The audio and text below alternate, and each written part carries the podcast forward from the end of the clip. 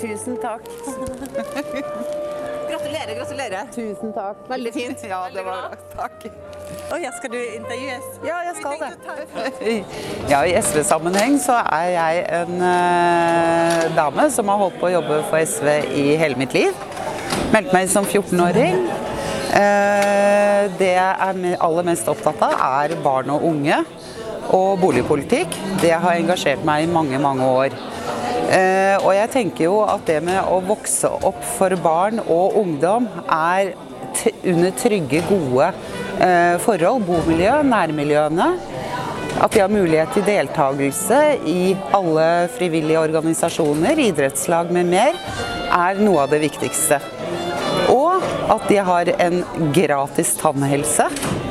Eh, og at de får eh, gode forhold rent generelt. Det er det aller viktigste. Vi må satse på framtida.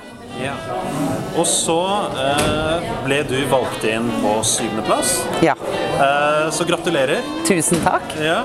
Eh, hvis du blir eh, valgt inn til Oslo bystyre, er det noen Søndre Nordstrand-saker du vil fremme?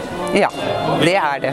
Hvilke saker er det? Det er flere, men eh, det første og, som vi har jobba også med i veldig mange år, det er å få et ordentlig, skikkelig kulturhus i Søndre Nordstrand.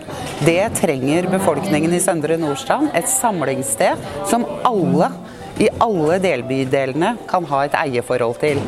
Så det er en av de viktigste sakene. Og så er det selvfølgelig dette med eh, barn og unge og møteplasser i bydelen som jeg vil jobbe veldig mye for.